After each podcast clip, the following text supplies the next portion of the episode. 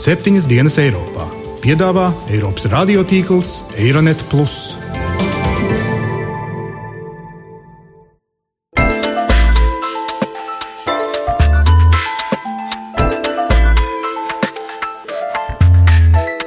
Šonadēļ septiņas dienas Eiropā dzirdēsim. Finansējums caur Eiropas kosmosa aģentūru tiešā veidā atgriezās pie Latvijas. Kurš tad negribētu uz Marsu braukt? Zemes novērojumi no satelītiem tā jau ir ikdiena. Prasās kaut kāds lielāks izaicinājums.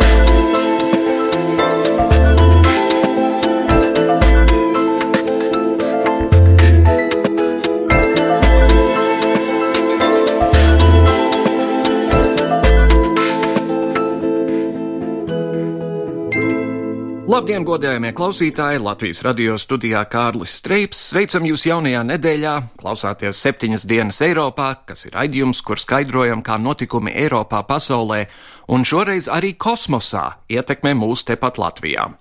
Eiropas kosmosa aģentūras ģenerāldirektors Johans Dītrihs Vērners intervijā Maskavā nesen uzsvēra, ka pašreizējam politiskam strupceļam starp Krieviju un Rietumiem nevajadzētu kavēt kopīgos visuma pētīšanas centienus.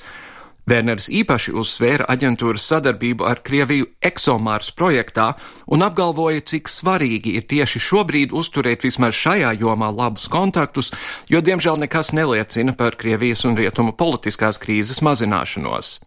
Šajā kritiskajā situācijā tā Werners zinātne, ieskaitot kosmosa izpēti, var kalpot par sava veida atvērto komunikāciju tiltu, kas nākotnē, situācijai normalizējoties, būs ārkārtīgi svarīgs. Tālāk šodien raidījumā spriedīsim par kosmosu. Vai Eiropas kosmosa programma un Latvijas dalība tajā atvieglos mums ikdienu un spēs stiprināt Latvijas un Savienības vārgo ekonomiku? Bet vispirms uzklausīsim dažus viedokļus par Eiropas komisijas prezidenta Junkera piedāvāto plānu patvērumu meklētāju uzņemšanu Eiropas Savienības dalību valstīm padarīt obligātu un palielināt uzņemto skaitu līdz 160 tūkstošiem.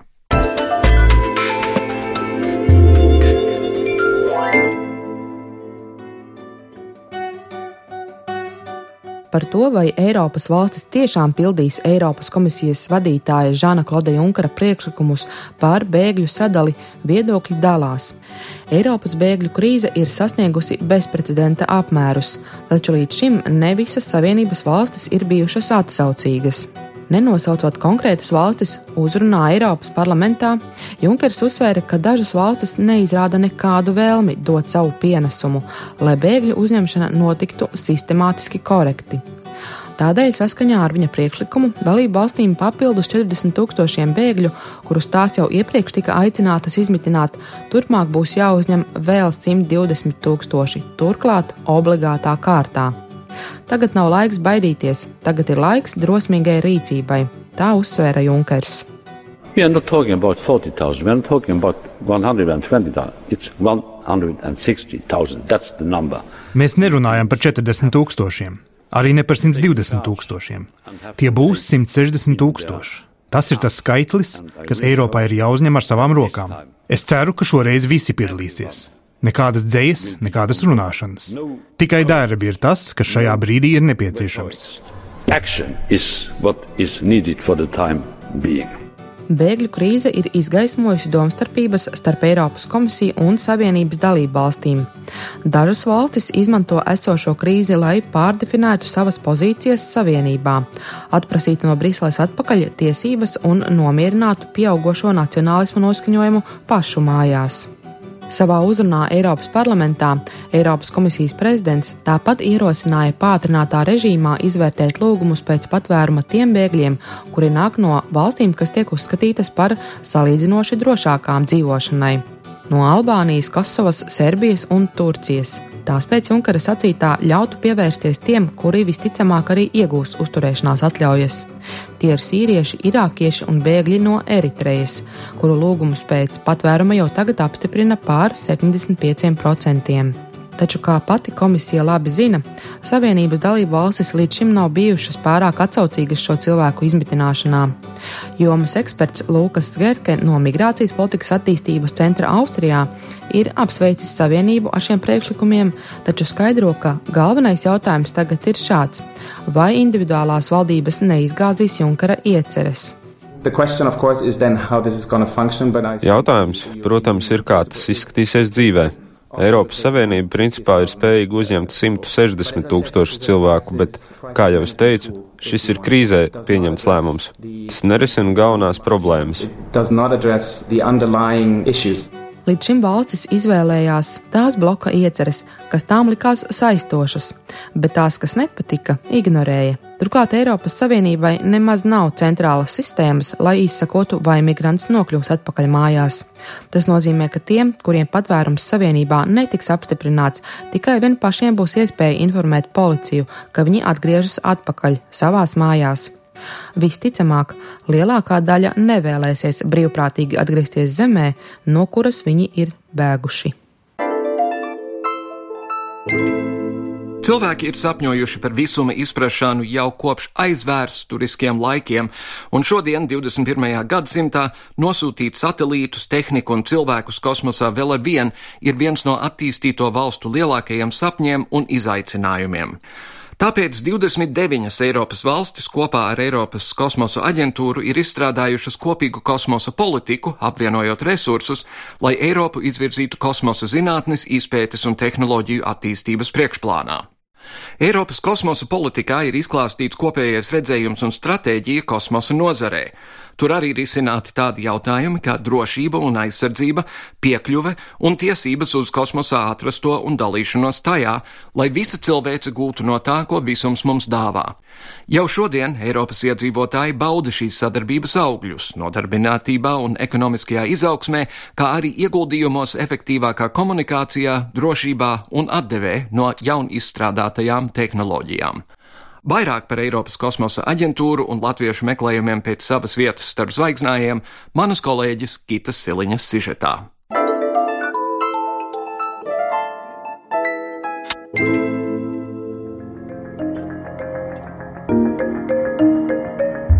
Brisele 2011. gada 21. oktobris.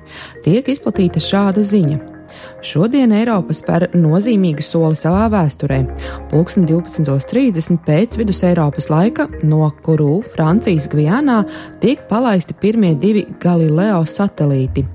Ar Sojuz kosmisko nesēju raķeti tiem jāsasniedz orbīta 23,000 km augstumā. Eiropa ir vēl vienu soli tuvāk viedai satelīta navigācijas sistēmai, kura lielā mērā ietekmēs mūsu ekonomiku un ikdienas dzīvi. Eiropas rūpniecība jau gatavojas, lai varētu izmantot Galileo programmu un sniegt uzņēmumiem un pilsoņiem tiešu pieeju satelīta navigācijas signālam no Eiropas. Citāta beigas. Tā brīža Eiropas Savienības Rūpniecības un uzņēmējdarbības komisārs Antonio Tajani skaidroja sasnieguma nozīmību. On avait prévu, je, je souligne, 1,9 milliard d'euros Pat labi mēs stiprinām dialogu starp galvenajiem dalībniekiem rūpniecībā, Eiropas kosmosa aģentūru un Eiropas komisiju. Galileo un Kopernikus programmu panākumi ir atkarīgi no saistībām un atbalsta kosmosa nozarei un Eiropas kosmosa aģentūrai. Kosmosa un satelīta navigācija, kas ir izveidota Eiropā, ir ieejas stratēģija, lai no jauna industrializētu Eiropas Savienību. Vissvarīgākais ir tas, ka tie pavērs jaunas uzņēmējdarbības iespējas, kas ir Eiropai ļoti nepieciešamas les services les plus importants pour les citoyens de l'Union européenne. Tika arī norādīts, ka jau nākamo gadu laikā ar jaunas satelītu konstelācijas līdzdalību būs iespēja uzlabot tādus pakalpojumus kā precīzākas transporta līdzekļu navigācijas ierīces, efektīva transporta vadība, meklēšanas un glābšanas pakalpojumi, drošāki banku darījumi, kā arī droša elektroenerģijas apgāde. Visu šo pakalpojumu efektīva darbība ir lielā mērā atkarīga no satelīta navigācijas tehnoloģijām. Kopējā ekonomiskā ietekme turpmākajos 20 gados tika lēsta uz apmēram 90 miljardiem eiro. Šodien pētnieki akcentē, ka daudzas ikdienas norises, piemēram, telekomunikācijas, televīzija, laika prognozēšana, pasaules finanšu sistēmas, arī pilsētu plānošana, dabas aizsardzība, lauksaimniecība un mežsaimniecība, arī veselības aprūpe un katastrofu pārvaldība, transporta nozare, turisms un vēl daudzas citas ir atkarīgas no kosmiskajām sistēmām vai kosmosa tehnoloģijām. Tomēr kosmosa projektu milzīgā mēroga dēļ vien lielākai daļai valstu tie nemaz nav pa spēkam vienām pašām. Tāpēc Eiropas valstis ir apvienojušas tehniskos un finanšu resursus, lai kosmosa politiku veidotu ar Eiropas komisijas starpniecību, proti sadarbībā ar Eiropas kosmosa aģentūru.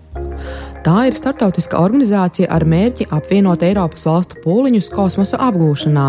Tiek skaidrots, ka Eiropas kosmosa politikai ir četri atzari - Zemes novērošanas sistēma Copernicus, jau pieminētā satelīta programma Galileo un arī EGNOS, tāpat arī tādi virzieni kā kosmosa apguve un izpēte. Tartu Universitātes doktorants un Tartu observatorijas jaunākais pētnieks Andris Slavinskis uzsver, ka pētījumi, kuri saistīti ar kosmosu, ir būtiski, jo rada iespēju likt lietā datus, kas iegūti izmantojot satelītiekārtas un prognozēt procesus. Pētnieks norāda, ka dati tiek apstrādāti ar metodēm, kas ir izstrādātas pētniecības institūtos. Savukārt institūti spēj sniegt liederīgu informāciju, piemēram, lauksaimniekiem un citiem ar tautsēmniecību saistītiem uzņēmumiem vai cilvēkiem, lai viņi spētu pieņemt lēmumus. Tāpat Andris Slavinskis skaidro, ka nezinu, vai ir kāda joma, kura nākotnē spēs iztikt bez iespējām, ko rada kosmosa izpēte. Mēs visi ļoti labi zinām, kas notika, kad Padomju Savienība ar Ameriku cīnījās klusi. Un tas kā, īstenībā deva diezgan daudz grūdienu visai sfērai, bet mūsdienās zemes novērojumi un cilvēki spēj pieņemt lēmumus balstoties uz tā. Mēs lietojam GPS, kas vienkāršākajā veidā ir. Mēs varam atrast, kur pilsētā aiziet kafiju iedzert, bet ar to tā tehnoloģija nebeidzās. Mums vajag arī inovatīvus inženierus, kuri spētu atrast arī citas pielietojumus tam, kas būtu noderīgi lauksaimniecībai. Kopš šā gada janvāra beigām arī Latvija ir pārakstījusi sadarbības hartu ar Eiropas kosmosa aģentūru. Lai gan vēl īsi pirms tam uzbangoja bažas par to, ka Latvija nebija varējusi atrast nepieciešamos gandrīz 1,4 miljonu eiro, lai samaksātu dalības maksu. Sadarbības līguma hartas neparakstīšanas gadījumā Latvijai kā vienīgajai Savienības dalību valstī nebūtu formālu attiecību ar aģentūru, un iestāšanās procedūras būtu jāsāk no jauna. Nauda tomēr tika atrasta un tika ziņots, ka Parīzē parakstot Eiropas sadarbības valsts plāna hartu, Latvijas valdība nākamo piecu gadu laikā apņēmusies īstenot Latvijai un kosmosa aģentūrai nozīmīgus un inovatīvus projektus saskaņā ar aģentūras programmatiskajām nostādnēm. Latvijas izglītības ministrijas augstākās izglītības, zinātnes un inovāciju departamenta vecākais referents Kaspars Karolis stāsta, ka mūsu valsts ieguldījums Eiropas kosmosa aģentūrā šo projektu realizācijā būs aptuveni 7 miljoni eiro, no kuriem apmēram 90% tiks atgriezti atpakaļ izglītības, zinātnes vai tehnoloģisku projektu veidā. Par projektiem turpina Kaspars Karolis. 2013. gadā jau notika pirmais projektu uzsaukums, kā ietveros tika iesniegti 33 projekti, un no tiem tika atlasīti desmit labākie. Šobrīd ar visiem tiem projektiem ir noslēgta līguma, un tie tiek īstenoti. Un šogad, 5. oktobrī, tiks atvērts otrs uzsaukums, kurā mēs atkal ceram uz lielu atsaucību un labiem projektu pieteikumiem. Savukārt Ventspils augstskolas inženierzinātņu institūta Ventspils starptautiskais radioastronomijas centrs direktors Valdis Avotiņš norāda, ka šī ir vērtīga iespēja ne tikai Latvijas zinātniekiem un uzņēmējiem, bet ļoti būtisks iegūms vietējiem lauksēmniekiem. Stāstot par Latvijas sadarbību ar Eiropas kosmosa aģentūru, Valdis Avotiņš norādīja, cik liela nozīme ir piemēram tādam aspektam kā precīzā lauksēmniecība.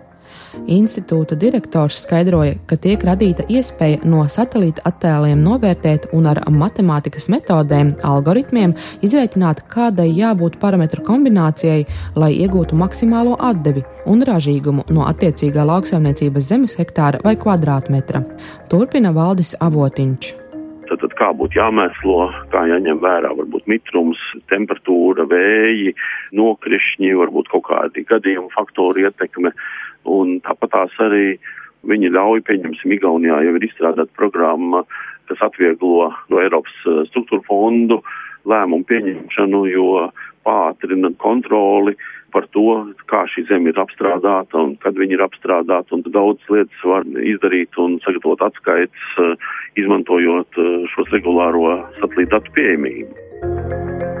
Lai saprastu, kuras jomas Latvijas tautsēmniecībā vēl bez lauksaimniecības būtu tās, kur kosmosa izpētes rezultātā būtu vērtīgi ieguvumi un kādi satelīta tehnoloģiju pakalpojumi nepieciešami, izglītības ministrija, kā norādīja Kaspars Karolis, pulcēs kopā dažādas puses gan tos, kas varētu būt potenciālie gala produktu lietotāji, aģentūras, valsts kapitāla sabiedrības, gan iespējamos projektu īstenotājus un arī zinātniekus. Turklāt būtiski ir, ka Latvija jau tagad ir parādījusi, ka mums ir institūti, uzņēmumi un arī cilvēki, kas lieliski atbilst Eiropas kosmosa aģentūras ekscelences prasībām. Saima tikko apstiprināja, ka no līdzekļiem, kas bija paredzēti Latvijas dalībai Expo Milāno 2015. atvēlēs 1,34 miljonus eiro Latvijas dalībai Eiropas kosmosa aģentūrā. Tālāk Latvija cer kļūt par šās organizācijas 23. dalību valsti. Ko latvieši meklē kosmosā un kāpēc mums ir tik svarīgi piedalīties Eiropas kosmosa programmā, to mums pastāstīs futūrists kosmosa komercializācijas stratēģis un Rīgas fotonikas centra konsultants Vidvuds Peldavs. Labdien! Labdien! Un telefoniski esam sazinājušies ar uzņēmēju, pasniedzēju un bērnu zinātkāres centra Zinu izveidotāju latviešu tā dēvēto marsieti Paulu Irbinu. Labdien! Jā, sveiciens, sveiciens visiem. Sāksim ar jums, Irbinkungs. Es zinu, ka pagājušajā nedēļā bija Latvijā liels, liels tāds ar kosmosu saistīts pasākums, kas bija domāts ģimenēm ar bērniem. Cik liels entuziasms tur veidojās?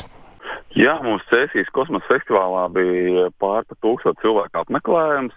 Ļoti liela interese bija, uz ko mēs redzējām, kad ģimenes tiešām mērķiecīgi skatās, kā veidot saviem bērniem interesi par tehniskām zināšanām, jo arvien vairāk vecāki saprot to, ka nākotnē tās karjeras perspektīvas būs tieši tādās tehniskās un inženieru zinātnēs.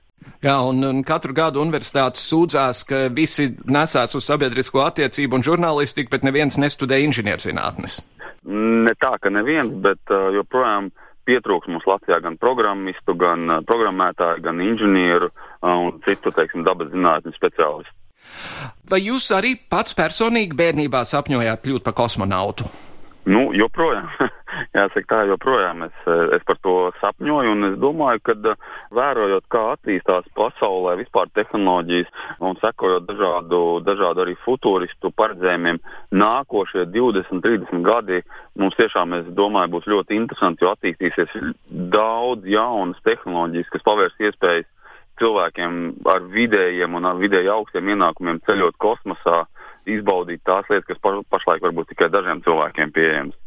Jūs piedalījāties tajā programmā, kur izvēlējās cilvēkus, kas ies un dzīvos uz Marsa. Cik tālu jūs tikāt tajā programmā, pirms jums pateica, ka jūs nebūsiet viens no tiem? Es izgāju pirmās trīs kārtas, biju tūkstots cilvēku starpā, kas bija izvēlēti.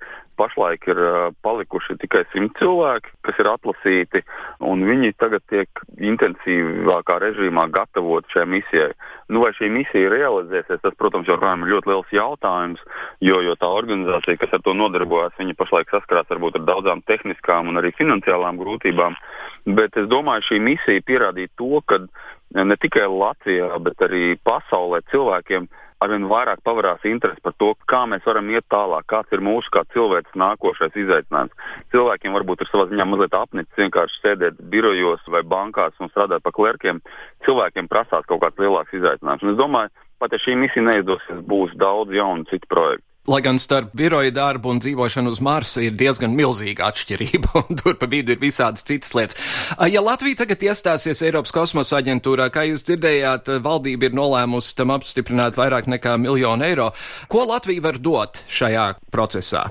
Es domāju, te mēs primāri pat varam skatīties, ko Latvija var iegūt no šī procesa, jo šis finansējums, ko Latvija izdala, principā caur Eiropas kosmosa aģentūru, pēc tam tiešā veidā atgriežas pie Latvijas uzņēmumiem, pie Latvijas zinātniekiem, pie institūtiem, pie pētniecības organizācijām, un caur šo finansējumu mēs varam attīstīt tās zinātniskās nozares, tās inženieru nozares un tās pētniecības nozares, kurā mēs pēc gadiem, pieciem, desmit varam radīt jaunu pievienoto vērtību, radīt jaunu ekonomisko vērtību visai Latvijas sabiedrībai kopumā.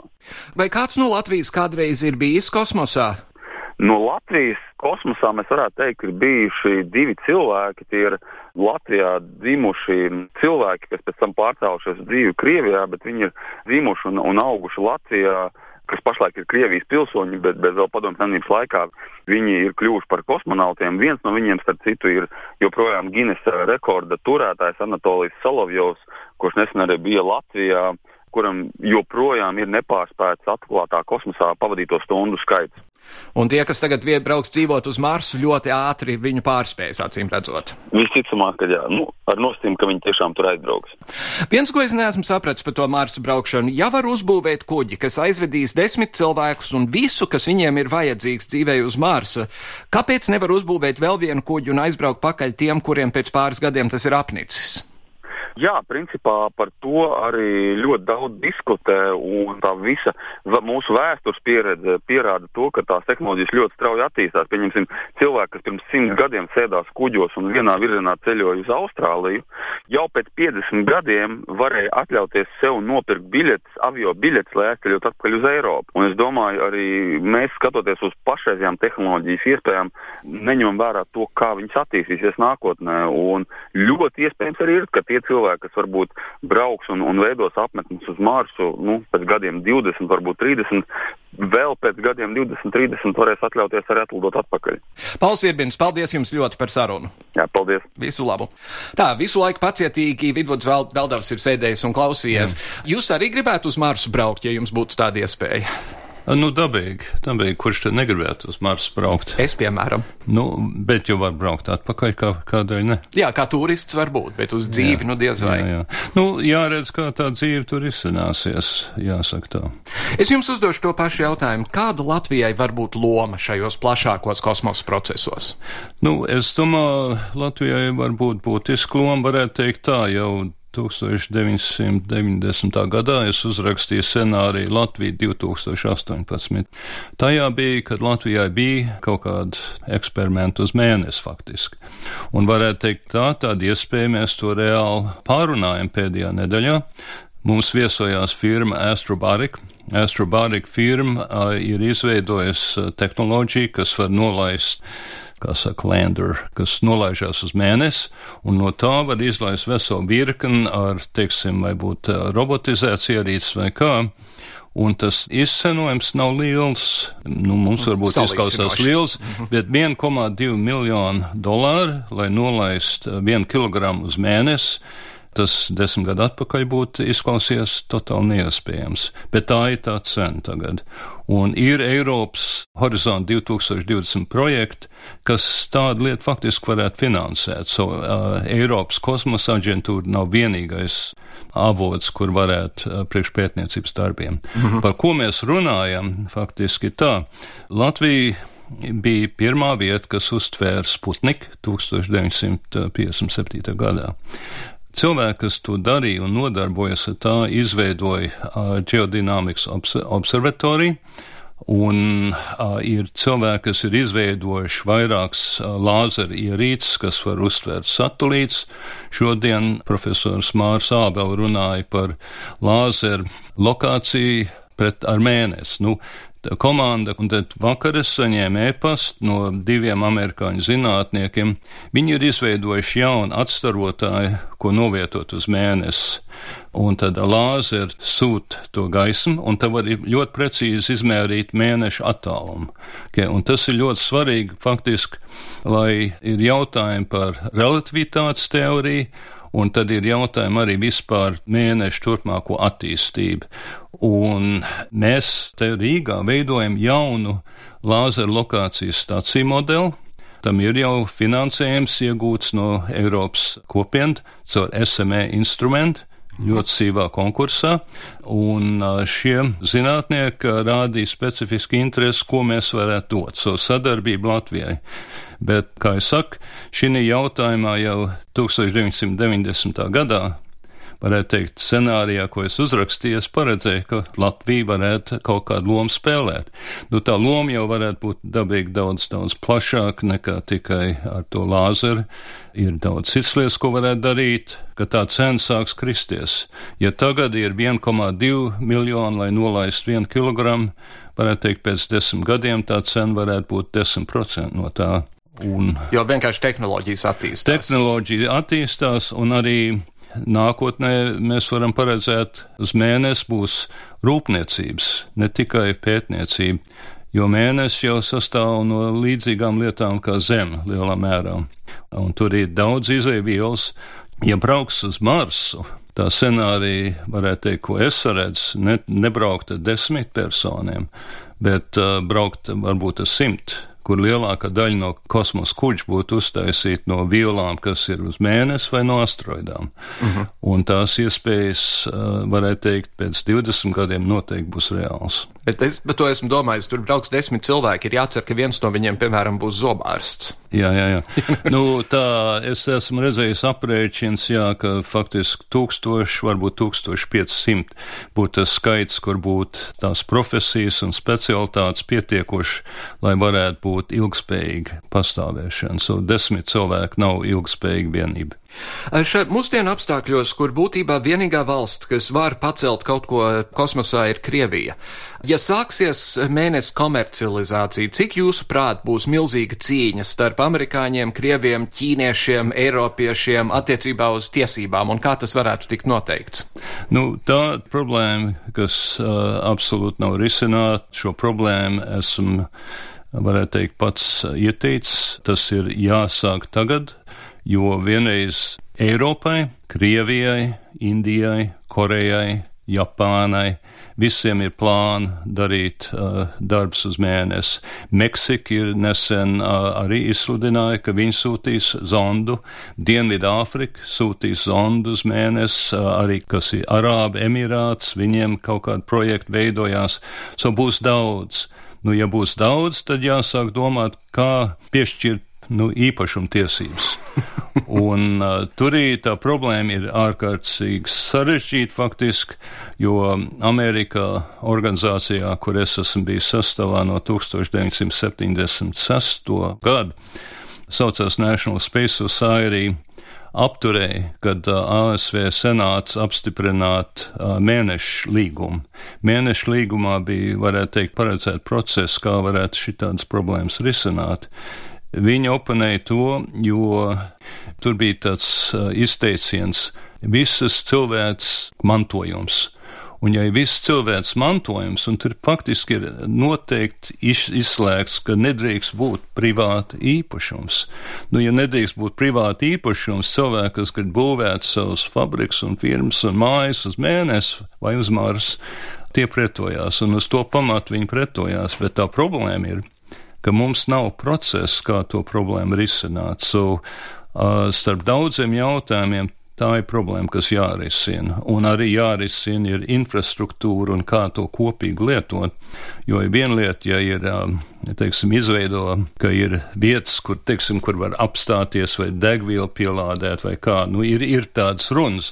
Degvielu dabūt no mēnesis virsmas, uzsūt augšā pietuvas orbitā un tad ir no mēneša virsmas atsūtīta degviela un pielādē klāt, un tu vari braukt vai tālāk uz Marsu vai mēnesi vai kā. Bet tad tā degviela. Statoils uz mēnesi. Uz vārds. mēnesi, jā, jā, vai mēne orbītā. Bet tā degviela ir smaga. Viņa nav jāsūta augšā no zemes virsmas, un tā cena, lai sūtītu augšā šaut lietas no zemes virsmas ir ārkārtīgi dārga. So visi tie veidi ir kā tagad atrast, jo vairāk var dabūt vai no mēneša, vai no asteroidām, vai tā, jo lētāk būs faktiski sāks palikt viss tā kosmosa eksploatācija. Vispār šī ir, ir lieta, kur klausītāji nevar redzēt, ka man pat labi ir lielas acis, do, domājot par šādām lietām. Piemēram, mani vienkārši aizrauja tas, ka kāds uz Zemes varēja uzbūvēt maziņu aparātiņu, kas aizlidoja visu ceļu līdz Plutonam, Jā. visu laiku sūtīja bildes atpakaļ, vēl joprojām sūta bildes atpakaļ, un tagad brauks kaut kur tālāk. tālāk jā. Jā, jā. Un tā arī ir tā kometa, kur arī Eiropas komanda un arī poļi, un tā bija ļoti svarīga sastāvdaļa, kur arī um, milzīgi atradumi. Un tagad nesen arī uz cerēs. Un uh, tā so ārkārtīgi daudz notiek bet ir ļoti maz pēdējā laikā noticis, izņemot to ar starptautisko kosmosa staciju, kur ir cilvēki. Cilvēka elements paplašināsies, tad, kad cena kritīsies. Elon Musks, kas ir Amerikas miljardieris, tas veido raķetes, kad, kad varētu atkārtot lietot, nevis uzšauj gaisā un pazūd, un tas samazinās cenu. Bet ir arī daudz un dažādi citi varianti, un daudz firmas, kas sāk konkurēt. So, jo vairāk konkurentu, jo būs vairāk idejas, jo tā lieta ies straujāk uz priekšu. Vai jūs prāt kādreiz atjaunosies Amerikas kādreizējā tā dēvētā šatlu programma, kura beidzās pēc tam, kad bija briesmīga avārija? Tā ir tā problēma, ka viss, kas ir saistīts ar politiku, ja ir uh, nopietna avārija, politikāni, vai kā viņi, mēs viņu mēdzam saukt, viņiem ir bailes, viņi atturās. Un so ir cik vien iespējams jādabūna tā, ka tas ir komerciālā sektorā, un kad ir daudz lidojumu, ja vien divreiz gadā lido, un tur ir tūkstošiem cilvēku iesaistīti, lai apkalpot, tur nav jēga un loģika. Un tāpēc ir jābūt, kad iesākumā šarla programmā viņi skatījās ik pa divām nedēļām šaut. Nu, tad kaut ko daudz plašāk vajadzēja. Uh, tad jau tas kļūst par turistu pasākumu. Nu, vai turistu pasākumu, vai rūpniecisko attīstību. Teiksim, ja tagad sāk, uh, iesāksim rūpniecību uz mēnesi, kur būs izrakteņi un pārstrādās mēneša materiāli, virsmas materiāls un radīs burtiski tās pašas nu, kosmosa kuģus būvēs no mēneša materiāliem, nevis cels augšā no zemes.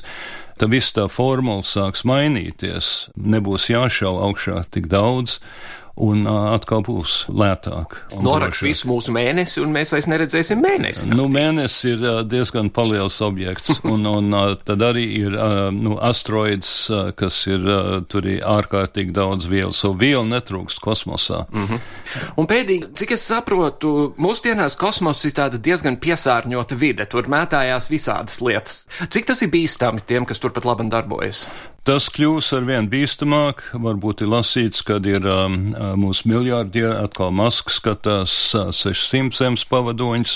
Bransonam ir saistība ar firmu, kas skatās vairāk kā tūkstošu pavadoņus šaut gaisā, un uh, tās iespējas priekš to uh, atkritumu, nu, kā saka, kosmosa trāzi ir liela problēma. Mēs esam atkal no fotonika iesnieguši projektu pieteikums, kur ir tehnoloģija, kas varētu viņus izsekot. Ar, ar, ar lāzeriem, bet tad ir jāveido veids, kā viņus arī varētu iznīcināt ar laiku, jo viņi būs vairāk un vairāk. Tā ir nopietna problēma, ir finansiāli līdzekļi, lai, kas ierosina zinātnieks un inženieris domāt, kā to risināt, un varētu teikt, Latvija ir daļa no to meklējuma priekšrisinājumu. Nu, katrā gadījumā, manuprāt, ja var uzbūvēt fabriku uz mēnesi, tad var uzbūvēt arī putekļu sūcēju priekškosmosu. Tieši tā. tā. un to arī mēs beigsim mūsu sarunu vidus peldās. Paldies par ļoti interesantu sarunu. Jā, paldies paldies jums. arī Paulam Irbinam. Sengrieķu dievs Zevs reiz iemīlēja daļu, jo daļu arkādiešu princesi Kalisto, Hēra, Zeva sieva, tā noskaitās, ka ņēma un pārvērta princesi par lielu pinkainu lāci. Zevs apžēlojās par princesi lāci un atrada vietu viņai debesu jumā, vēl šobaldu dienu varam saskatīt šo princesi lielā lāča zvaigznājā. Arī mēs septiņas dienas Eiropā reizēm pavaramies zvaigznēs un pasapņojam. Grieķi 20. septembrī dosies pie vēlēšanu urnām jau piekto reizi pēdējos sešos gados, jo Grieķijas valdība cenšas iegūt jaunu mandātu, lai īstenotu reformas, kas pieprasītas jaunajā valsts glābšanas programmā. Atēnu pašvaldības darbinieks Nikos Sideris intervijā manam kolēģim Jānim Kropam prognozē vēlēšanu rezultātus. Υπό άποψή μου ότι θα βγει πάλι το ΣΥΡΙΖΑ Es uzskatu, ka vēlēšanās atkal uzvarēs Sirīza. Vienīgi tai būs jāveido koalīcija ar vēl kādu partiju. Politisko situāciju šobrīd nosaka tas, kādā stāvoklī mēs esam. Es domāju, ka Cipras saglabās premjerministra amatu un turpinās iesākto politiku. Sliktāk būt vairs nevar, jo visus nosacījumus tāpat mēs jau zinām, un tagad nekas cits neatliek kā klausīt tam, ko mums diktē Eiropas Savienība, un ievērot tās vienošanās, kas jau ir panāktas. Politiskais tirgus lielā mērā ir beidzies, jo mēs zinām, cik esam parādā, un mēs zinām, ko no mums vēlās Eiropas Savienība. Tā kā nekādas lielas pārmaiņas nemaz nevar notikt. Είναι αυτά που έχουν συμφωνηθεί, αυτά που ξέρει η Ευρωπαϊκή Ένωση. Δεν θα αλλάξει κάτι παραπάνω.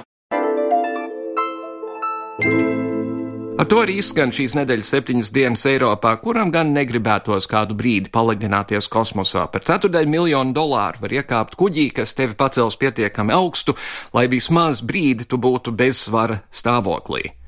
Ak, tik būtu tie ceturdaļu miljoni dolāru. Paldies, dāmas un kungi! Līdz nākamajai nedēļai! Visu labu!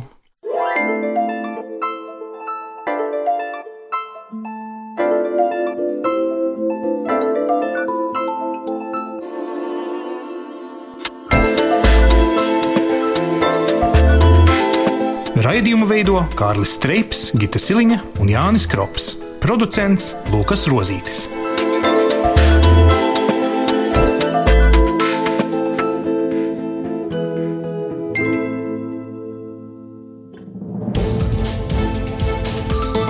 Visus Eironet plus sižetus un raidījumus meklējiet Latvijas radio mājaslapā.